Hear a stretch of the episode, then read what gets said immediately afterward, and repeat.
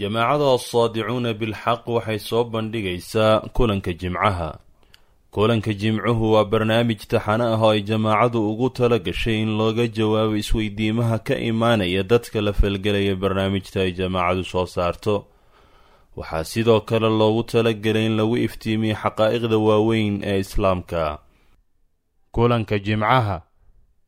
Kulankii afartanaad bismi اllahi الرحmn الرaحيم alxamdu لilaahi rab العaalamiin والصalaaةu wasalaamu عlى أشhrف اlmursaliina sayidina mxamedi wعlى alihi وsaxbihi أجmaعiin ama bacd asalaamu عalaykum wraxmat اllahi wbarakaatuhu kusoo dhowaada daawadayaal barnaamijkeeni taxanaha asaadicuuna bilxaq ay kusoo bandhigahayeen dacwadooda iyo baaqi ummadda usoo jeedinayaan oo hadaf ku aha ma arkaysaa in allah subxaanaه caza wajala waxa uu naga doonaya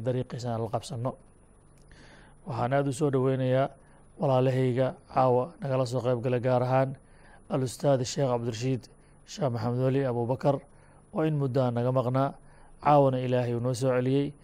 Tafadal sheekh cabdirashiid jasaaka allahu khayran mashkuuran. Sidoo kale waxaan aada ugu mahad celinayaa walaalkay alustaad sheekh maxamed cali mire oo isna intuu cabdirashiid naga maqnaa hawsha aad noogala qeyb qaadanayay runtiina kaalin fiicanna ilaahay uu waafajiyey. Jasaaka allahu khayr ustaad maxamed.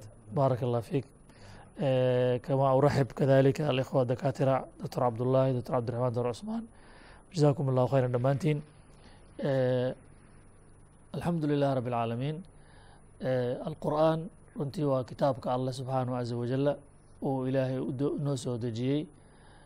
Uu ilaahay inuu ka dhigay subxaanahu watacaala yani kitaabkii dacwadan iyo manhajkii nolosha iyo dastuurkii ummadda ilahay ka dhigay subxaanahu watacaala dowrka isagana kitaabka allah subxaanahu watacaala si muuqata oo mugle oo kaamilahoo dhammaystiran oo tifatiran ayuu u gutay. Kadib markii uu soo dhisay ummad muslimad ah adduunyadao dhan uu ku hogaamisay ila alkhayri wasalaaxi waannamaa khayr iyo wanaagsanaan iyo horumar bini aadan ku soo hogaamisay. In ka badan toban qarni ku hogaaminaysay.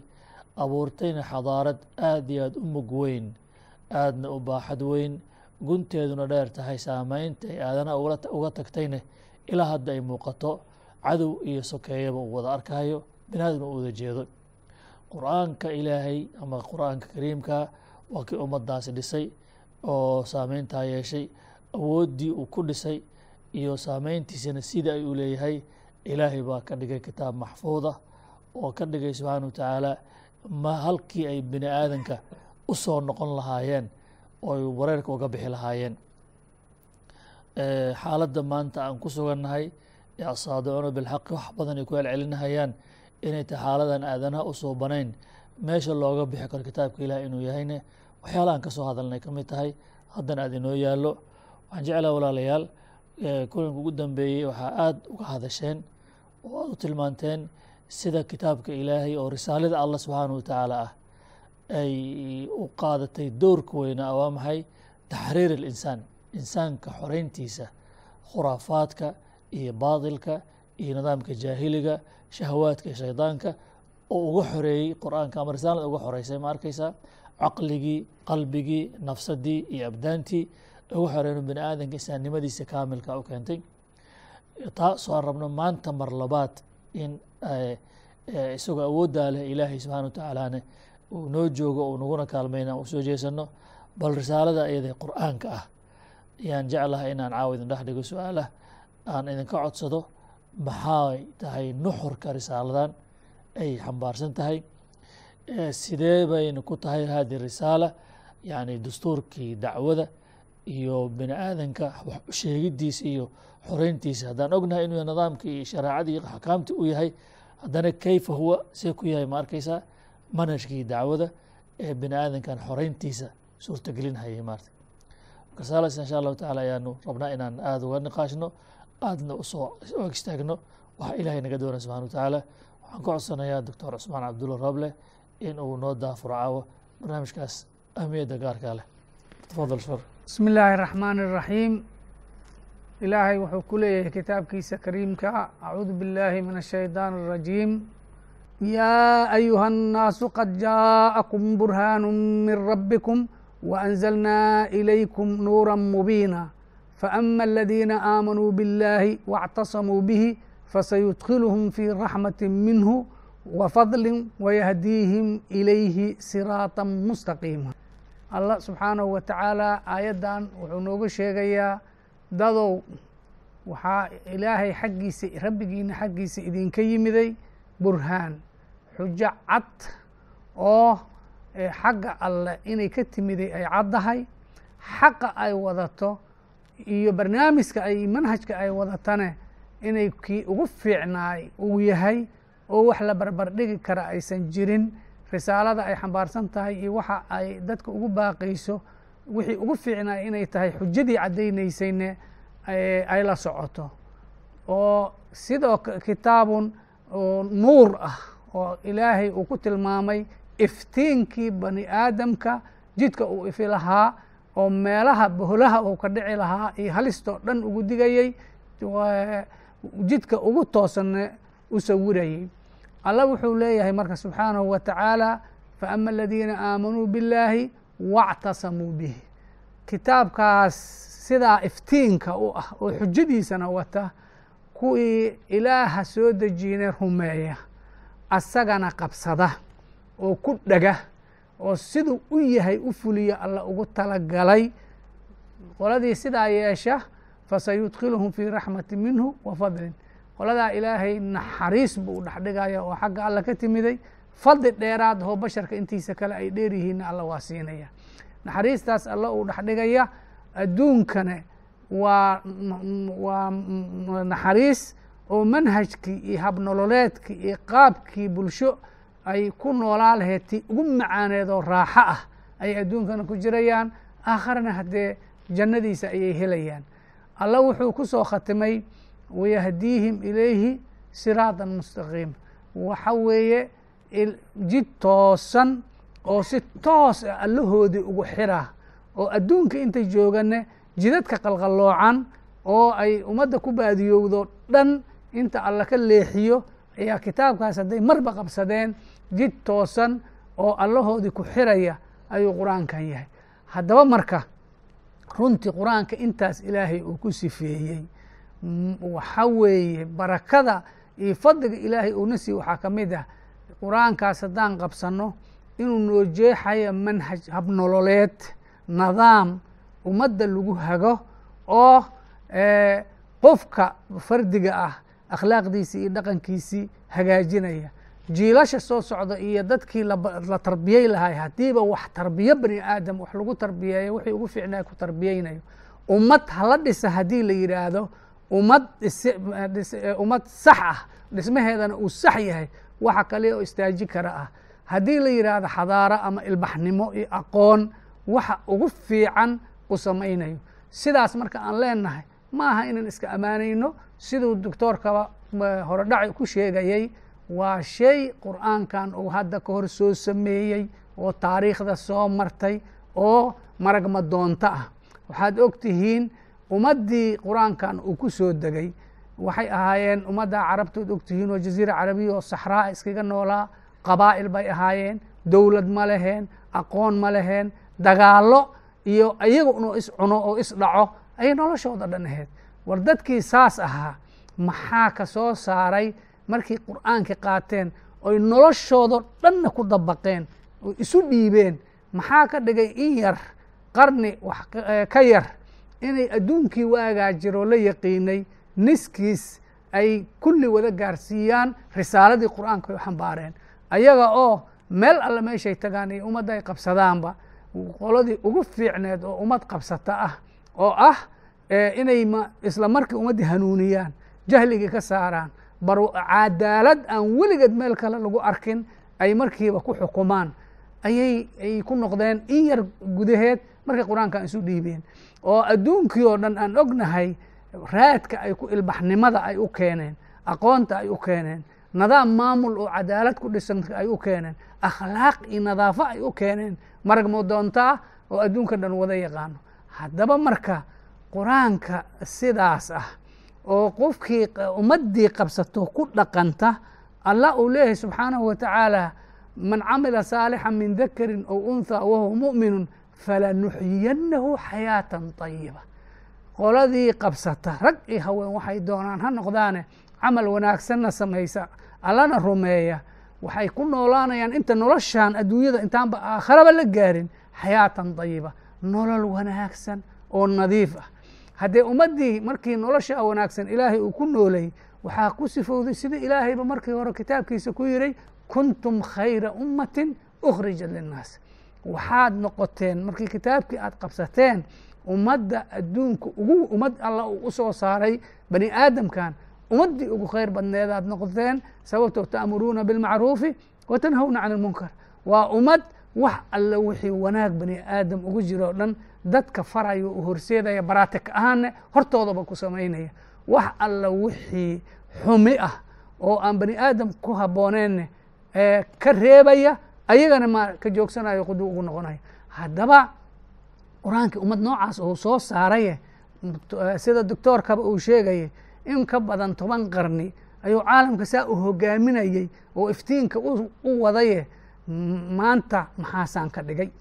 Ummaddii hadda u nasab sheeganayso qur'aanka waan rumaysanahay laheyd meesha joogaan maanta isu tilmaami mayno. Haddaba waxaan rabnaa inaan u sheegno haddii maanta laguba fikiro see looga baxaa xaaladda hadda lagu jira. Bashariyadan maanta haadaanta ka sii hoobatay oo meesha halista ee maraysa maxaa lagu badbaadiyaa? Wax kaloo badbaadi kara ma jiraan. Mar labaad in qur'aankii loo noqdo. Qur'aankina diyaar weeye hoggaanka qoladii u dhiibata isla markii inuu hogaamiyo oo ummaddaas meeshuu gaarsiiyey ou gaarsiiyo oo kuntum khayra ummatin ukhrija linnaasi ay noqdaan. Haddaba annaga wax kalama wadanee war qur'aankii ummaddii eber aheyd saa ka soo saaro halkaa geeyey. Hadda annaguna meeshan taagannahay waa u jeednaa qur'aankaas aan qabsanno khayr oo dhanna isagaan ka helayna. Arrinta aan rabno inay aada u caddaato waa taa. Jasaaka allahu khayran waa aad iyo aad maaragtay xaqiiqa aad biyo kama dhibcaano weeye. Qur'aanka ilaahay waa risaa ilaahay noo soo diray muxuu ahaay sida uu u yahay badbaadadeeda ficlan maarta. Waa aad iyo aad u ficlan. Bismi illahi raxmaan raxiim intaas waxaan ku dari lahaa kitaabkan alla soo dejiyay subxaanahu wa tacaala oo dad acraab oo reer baadiye ah ka soo saaray ummaddii alla subxaanahu wa tacaala uu ku sifeeyey kuntum khayra ummatin ukhrijat linnaas. Oo macruufkii faraysa munkarkii ka reebaysa caalamkiina hidaayo u horseedaysa. Waxay ku timid oo kitaabkan qur'aanka uu ku gaarsiiyey meesha. In ay kitaabkii inta fahmeen ay qabsadeen si dhab a u qabsadeen si dhab ana ay u raaceen noloshoodana ay ugu tandiimiyeen oo ugu maamuleen. Wixii axkaamahay oo qur'aan ama tawjiihaad allah subxaanahu wa tacaala leeyahay oo nagu siinayo fii kitaabihi ay noloshoodii ku tandiimiyeen. Waaladiina yumasikuuna bilkitaabi aqaamuu salaata inaa laa nudiicu ajra almuslixiin kuwa kitaabka qabsanaya lafdiga allah subxaanahu wa tacaala ku cabiray lafdigaas waa lafdi tusinaya dalaala weyn bixinaya oo dalaaladaas ay tahay qabsashada sida kitaabka loo qabsaday. Si xoog leh inay tahay. Saas ayay maaragtay kitaabkii ilaahay u qabsadeen axkaamtiisi ay u raaceen noloshoodiina ay ugu keeneen una maaragtay waxaa weeye ugu tadbiiqiyeen kitaabkii ilaahay subxaanahu wa tacaala. Ummaddii alla ka hadlay subxaanahu wa tacaala oo kuntum khayra ummatin ou yidhi kitaabkan saas ayay u qaateen markaasay saas ku soo baxeen. Annaga keliya ma aha ee waxaa weeye waxyi kasta ama risaalo kasta oo alla xaggiisa ka timaada ummadda oo u keeno saas ayuu alla subxaanahu wa tacaala khuduuhu biquwa oo u lahaa reer bani israa'iil. Nabiyullaahi muuse calayhi salaam. Markii alla subxaanahu wa tacaala intuu miiqaad u sameeyey kitaabkii uu soo siiyey towreed ahaa alla wuxuu yidhi wakatabnaa lahu fi lalwaaxi min kulli shayin mawcidatan wa tafsiila likulli shayin. Fakhudhaa biquwa waamur qowmaka ya'khuduu biaxsanihaa sa uriikum dara alfaasiqiin kitaabkan alla wuxuu leeyahay alwaaxdii waxaan ugu qornay min kulli shayin mawcida shay kasta oo nolosha ka mida qaybaheeda noloshu qaybay leedahay qayb fikri ah qayb ijtimaaci ah qayb dhaqaalo ah qayb siyaasad ah qayb kasta shay kasta oo ka mid ah alla wuxuu leeyahay tafsiilaan ka bixinay mawcidan ka bixinay oo maaragtay waxa weeye ayaan ugu qornay kitaabkaas. Fakhudhaa biquwa kaliimkiisii oo ah nabiyullaahi muuse ayuu wuxuu leeyahay fakhudhaa biquwa waamur qowmaka ya'khuduu biaxsanihaa sa uriikum daara alfaasiqiin haddii kitaabka sidaas loo qaadan waayo allah subxaanahu wa tacaala dadka aan qaadanin kitaabkii aan jumlatan u qaadanin si dhabana aan u qaadanin allah wuxuu ku magacaabay oo uu ku tilmaamay inay faasiqiin ay yihiin. Haddii ay faasiqiin ay noqdaanoo kitaabkii ay qaadan waayaanna allah subxaanahu wa tacaala wuxuu leeyahay gaar ahaan kuwa iska weynaysiinaya inay qaataan kitaabkii alle oo ay ku dhegaan oo ay ku badbaadaan oo ay nolosheedu ay ku dhigaan qolada iska weynaysiinaysa allah wuxuu leeyahay natiijada ka ratimi waxay noqonaysaa sa asrifu can aayaatiya aladiina yatakabbaruuna fi lardi bigayri alxaq. Wa in yarow dadkan kuwan kibiraaya waxaan ka jeedi doonaa aayadahayga waa aayadahii qur'aanka oo allah subxaanahu wa tacaala towjiihaadka iyo tusaalooyinka uu nagu siinayey mawcidada uu nagu siinayey hidaayada uu nagu siinayey ayaan ka jeedinaynaa. Haddii kitaabkii alle la qaadan waayo oo bashariyadii ay si xoogla u qaadan weyso oo tamasuq qawi u qaadan weyso dalaarkaasay ku jirayaan baadidaasay ku jirayaan waxaa u dheeraada waciidkaas alla saaray subxaanahu wa tacaala oo uu leeyahay waan ka jeedinayaa xaqa ilaa ay ka soo baxaan markay hanuunkii iyo wanaaggii arkaanna waa ka jeesanahayaan markii ay arkaan baadidii iyo waddadii baadida ay arkaanna way raacahayaan. Saasna waxay ku yihiin mukadibiin likitaab illaahi tacaala. Aayaadkiisay mukadibiinku ay ku yihiin haafiliinbi ay yihiin. Umniya meeshan waxba tadhimee kitaabkiiyaan rumaysanahay waa barakaysanahaya waa akhrisanahayaa waxba tadhimee nuqdada muhiimka doctor khayr allah kusi waxa weeye ilaahay kalaamkiisa waxay hala qabsado macnaha. Marka waxa aada jeceshahay ood ilaashanayso oo kugu weyn oo runtii wax walba kaaga sokay ha noqdo wa mana tilmaanta sida ay aayaddu soo tilmaanta macnaha runtii. Aadna ilahay u adkayay subxana caza wajal maarta. Walaalkii cabdiraxmaan maaragtay arrinta uu ka hadlay oo ah kitaabka ilaahay. Haddii la raaci waayo macnaha maxaa ka dhalanayo? Waxay ila tahay natiijadeeda hadda waan haynaa dadki macnaha maanta waxaan ku nas usan u nasab sheegtay inay yihiin muslimiinta ama caad masaal ugu tilmaamo meesha ay taagan yihiin iyadoo ilaahay oogu talagalay inay ummad maaragtay ummaddii macnaha dad bashariyad hogaaminaysa inay noqdaan hadda meesha ay taagan yihiin mataqaana maarata fi dayl alqaafila cid macnaha maarata waxaa way tixgelinaysa oo mataqaana waxaa weye maarata waxaa weeye u arkaysa wax jira inay yihiin yani ma jirto marka runtii ilaahay subxaanahu watacaala sunadiisa ku fulayso waman acrada can dikri fa ina lahu maciishatan danka wanaxshuru yawma alqiyama dacma marka yani cadaab adduunyo ayaa ilaahay subxaanahu watacaala uu ku cadaabay oo ah inay ummadihii oo dhan macnaha ka hareen aakhirana macnaha waxaa sugaya mataqaana indha la'aantaas marka waxaan leenahay ummadda maarata waxaa way islaamka sheeganayso ilaahay subxaana watacaala diintiisa dhab u raaca ha kana been sheegina maarata haddii kale waxaa weeye hoogaasaad ku jiraysaan kana bixmaysaan ilaa aad kitaabka ilahay u baarak allah fik bismi illahi raxmaan iraxiim runtii waxaa laga hadlay waxyaabo asaasiya oo badiihiya laakiin dad badan ka qarsoon.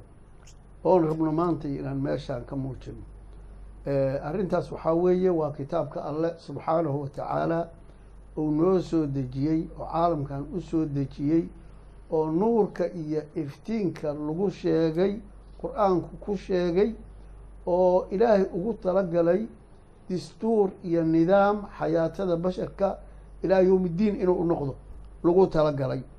Kitaabkaas waxaa weeye waa kitaabka horta iyada yaalla oo meel walba noo saaran. Ilaahayna uguma talagelin subxaanahu wa tacaala inaan miisaska saarano oo aan iska akhrisano keliya. Laakiin ilaahay wuxuu ugu talagalay nidaamulxayaa inuu noqdo. Nolosheenna oo dhan inuu hago. Ilaa yowmi ddiini inuu xayaatadeenna hago. Baa ilaahay ugu talagalay subxaanahu wa tacaala kitaabkaas oo la qaato ahamiyo weyn ayuu u leeyahay bani aadamka bani aadam ahaantiisa iyo jiritaankiisa. Haddii ay tahay xayaatadiisa shaksi oo fardi ahaan hayay hadday tahay xayaatada mujtamaca hadday tahay xayaatada ummadaha oo dhan waxaa weeye kitaabkan ayaa kor u qaadaya. Kitaabkan allah wuxuu ugu talagalay bani aadamka wax alla waxa ku jira oo mushkilaada oo dhan inuu xaliyo isagu cilaajiyo baa ilaahay ugu talagalay subxaanahu wa tacaala. Xayaatadiisa shaksiga hadday noqoto midiisa muxuu ahaa maaragtay jaanibka caqadiga ah oo caqiidadiisa hadday noqoto hadday noqoto jaanibka dhaqanka iyo nolosha hadday noqoto jaanib walbaba ilaahay wuxuu ugu talagalay kitaabkaanu inuu hago oo toosiyo oo tubta ku rido. Marka bal ha laga fiirsado. Qur'aanka tawjiis aayad ayadana suuratu israa ku jirto ilaahay wuxuu leeyahay ina hada alqur'aana yahdii lilatii yaqu maanta qof walbaa waxuu rabaa nolosha ugu wanaagsan inuu ku noolaado nolosha ugu wanaagsan heli maysid mana arkaysid. Inta aad kitaabkii ilaahay aad ka fog tahay ayaa nolol wanaagsanna aad ka fog tahay qof walbaba taa ha ogaado aayad kalayto fii suurati racdi ilaahay waxau leeyahay waa aayad cajiib badan wey aayaddaas qof walbaaba bal ha fiiriya macnaheeda ilaahay wuxuu leeyahay afaman yaclamu ana maa unzila ilayka min rabbika alxaq kaman huwa acmaa inamaa yatadakaru ulul albaab baa ilaahay leeyahy subxaana wa tacaala war qof og waxaa nebi maxamedo lagugu soo dejiyey calayhi salaatu wasalaam inuu xaq yahay ma la yahay qof indhala kaman huwa acmaa ma la mid yahay. Kaman huwa acmaa qofka indhahala maahan indhala-aanta hadda aan u jeedno oo dadka ishaan muxuu ahaa basarkaa beelay ma aha. Waa midda basiirada ah waa midda iimaanka ah waa midda maantay dadkii la yihiin. Maantay dadkii waadiga ay ku socdaan waxaa keenay basiiradaasaa ka dhuntay inamaa yatadakaru ulul albaab waxa hanuunsamaya oo waansamaya waa dadka asxaabulcuquulka ah wey. Waa kuwe kuwaasu aladiina yuufuuna bicahdi illaahi walaa yanquduuna almithaaq cahdulfitra laga bilaabo ilaa cahdigii ou iimaanka ou yiri markau sheegtay ou ilaahay la galay qofka oofinaya dadkaas weeye inay waa dadka og ana maa unzila ilayhi nabi maxamed wixii lagu soo dejiyey? Annahu lxaq inuu yahay dadka og wey dadkaasaa toosan dadkaasaa hanuunahay. Maantay waxaan ogsoonahay bani aadamka kulligood kitaabkan yaa lagu soo dejiyay haddaad tiraada maxay leeyihiin? Waa inta islaamka rumaysanba. Waxay leeyihiin allaha soo dejiyey nabi maxamed aana lagu soo dejiyey. Taas marka intaas keliya. Ma anfacaysa? Maya ma anfacayso. Waxaa weeye qofka rumaysan ana maa unzila ilayka min rabbika alxaq. Waxaa weeye waa qofka raacay wey kitaabkaas waa qofka allah subxaanahu wa tacaala diintiisa iyo kitaabkiisa manhajulxayaa ka dhigtay noloshii ka dhigtay caqiidadii asaga ka qaatay cibaadadii ka qaatay nidaamulxayaa ka qaatay tashriicii ka qaatay. Waa kuwaas weeye ilaahay uu aayaddaas ku sifeeyey sifaadkeeda kala duwan ku sifeeyey. Ilaa shan sifo ayaa lagu sifeeyey. Maanta waxaan u jeednaa in maantay dadkii ay raaceen nudum iyo hogaam iyo muxuu ah qiyaado aan ilaahay nabi maxamed calayhi salaatu wasalaam qur'aanka ku soo dejiyey aan dadkii ku xiraynin oon dariiqaas raacaynin ayaa la qaatay maanta. Ayaa la raacay maanta. Nidaamu dimuqraadiya nidaamu shuyuuciya nidaamu lusra nidaamu kada meeqa nudumaa adduunka la degsaday maanta. Nudumkaas qofkii raaca iska dhaaf qofkii raalli ka noqda waxaa maaragtay cad inuu diinta ilaahay beri ka tahay. Diinta ilaahayna uu beri ka yahay. Ama ha sheegto ama una sheeganin. Xaqiiqa waxaa ah qof kasta oo muslim ah oo wixii nebi maxamed lagu soo dejiyey ina inay xaq yihiin aaminsan waa qofka aan manhaj kale iyo dariiq kale iyo nidaam kale aan aqbalaynin ilaa nidaamkii allah. Maahane subxaana wa tacaala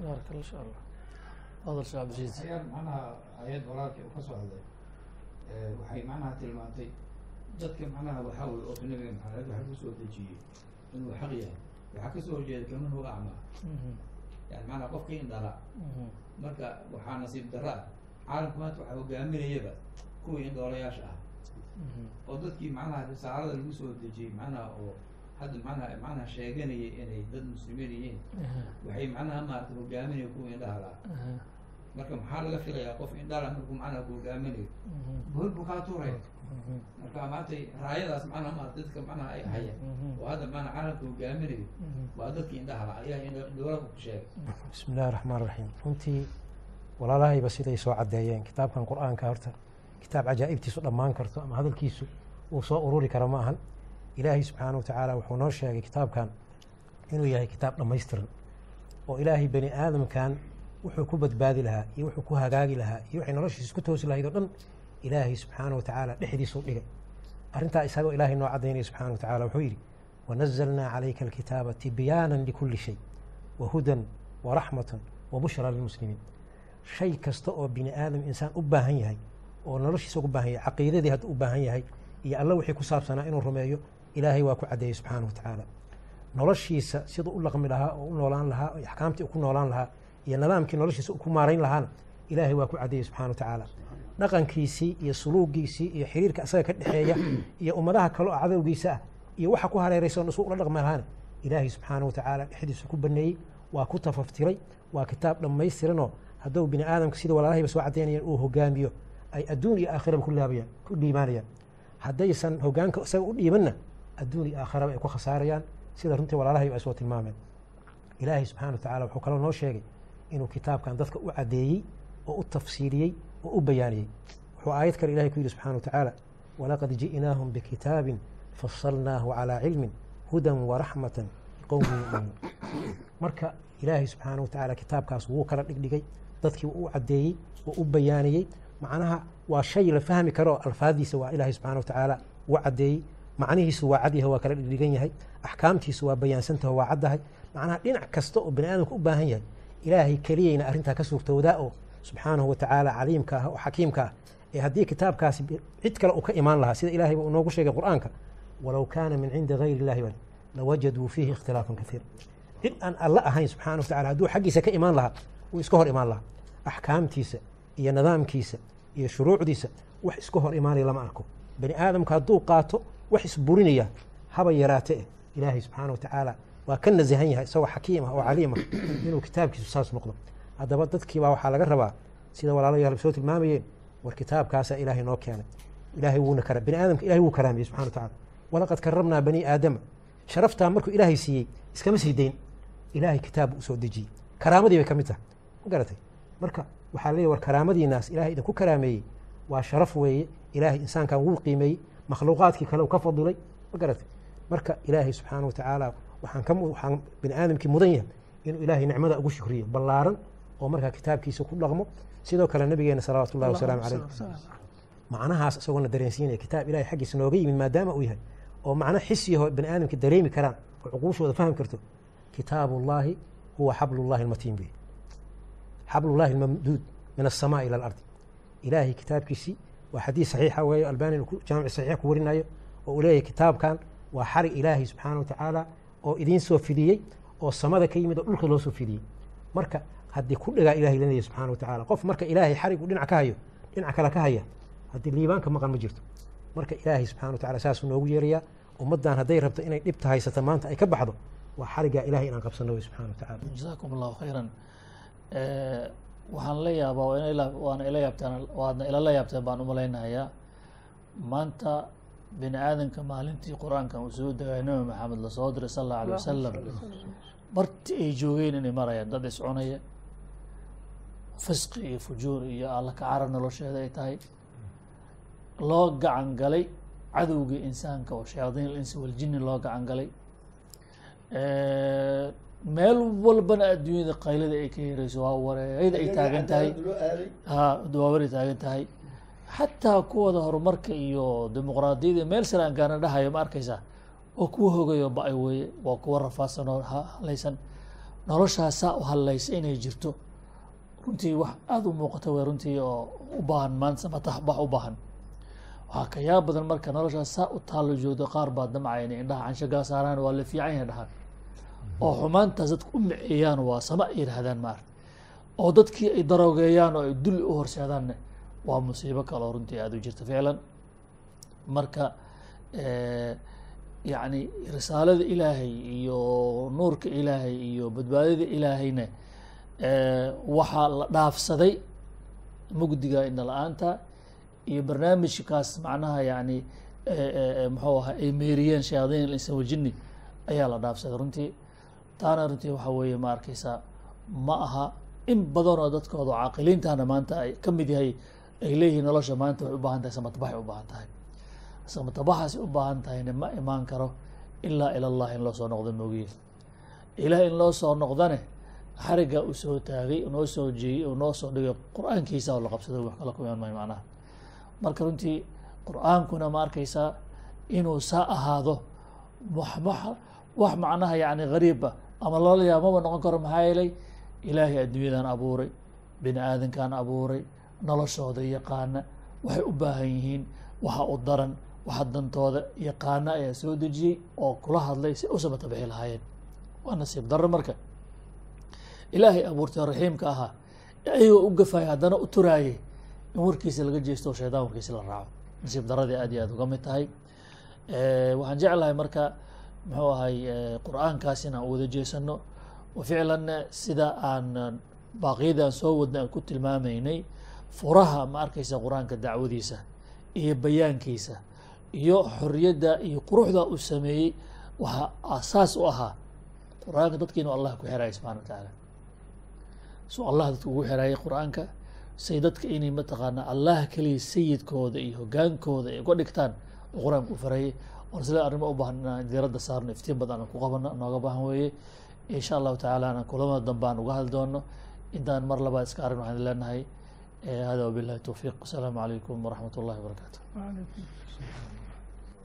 hada balaagun linnaasi walyundaruu bih walyundaruu bihi walyaclamuu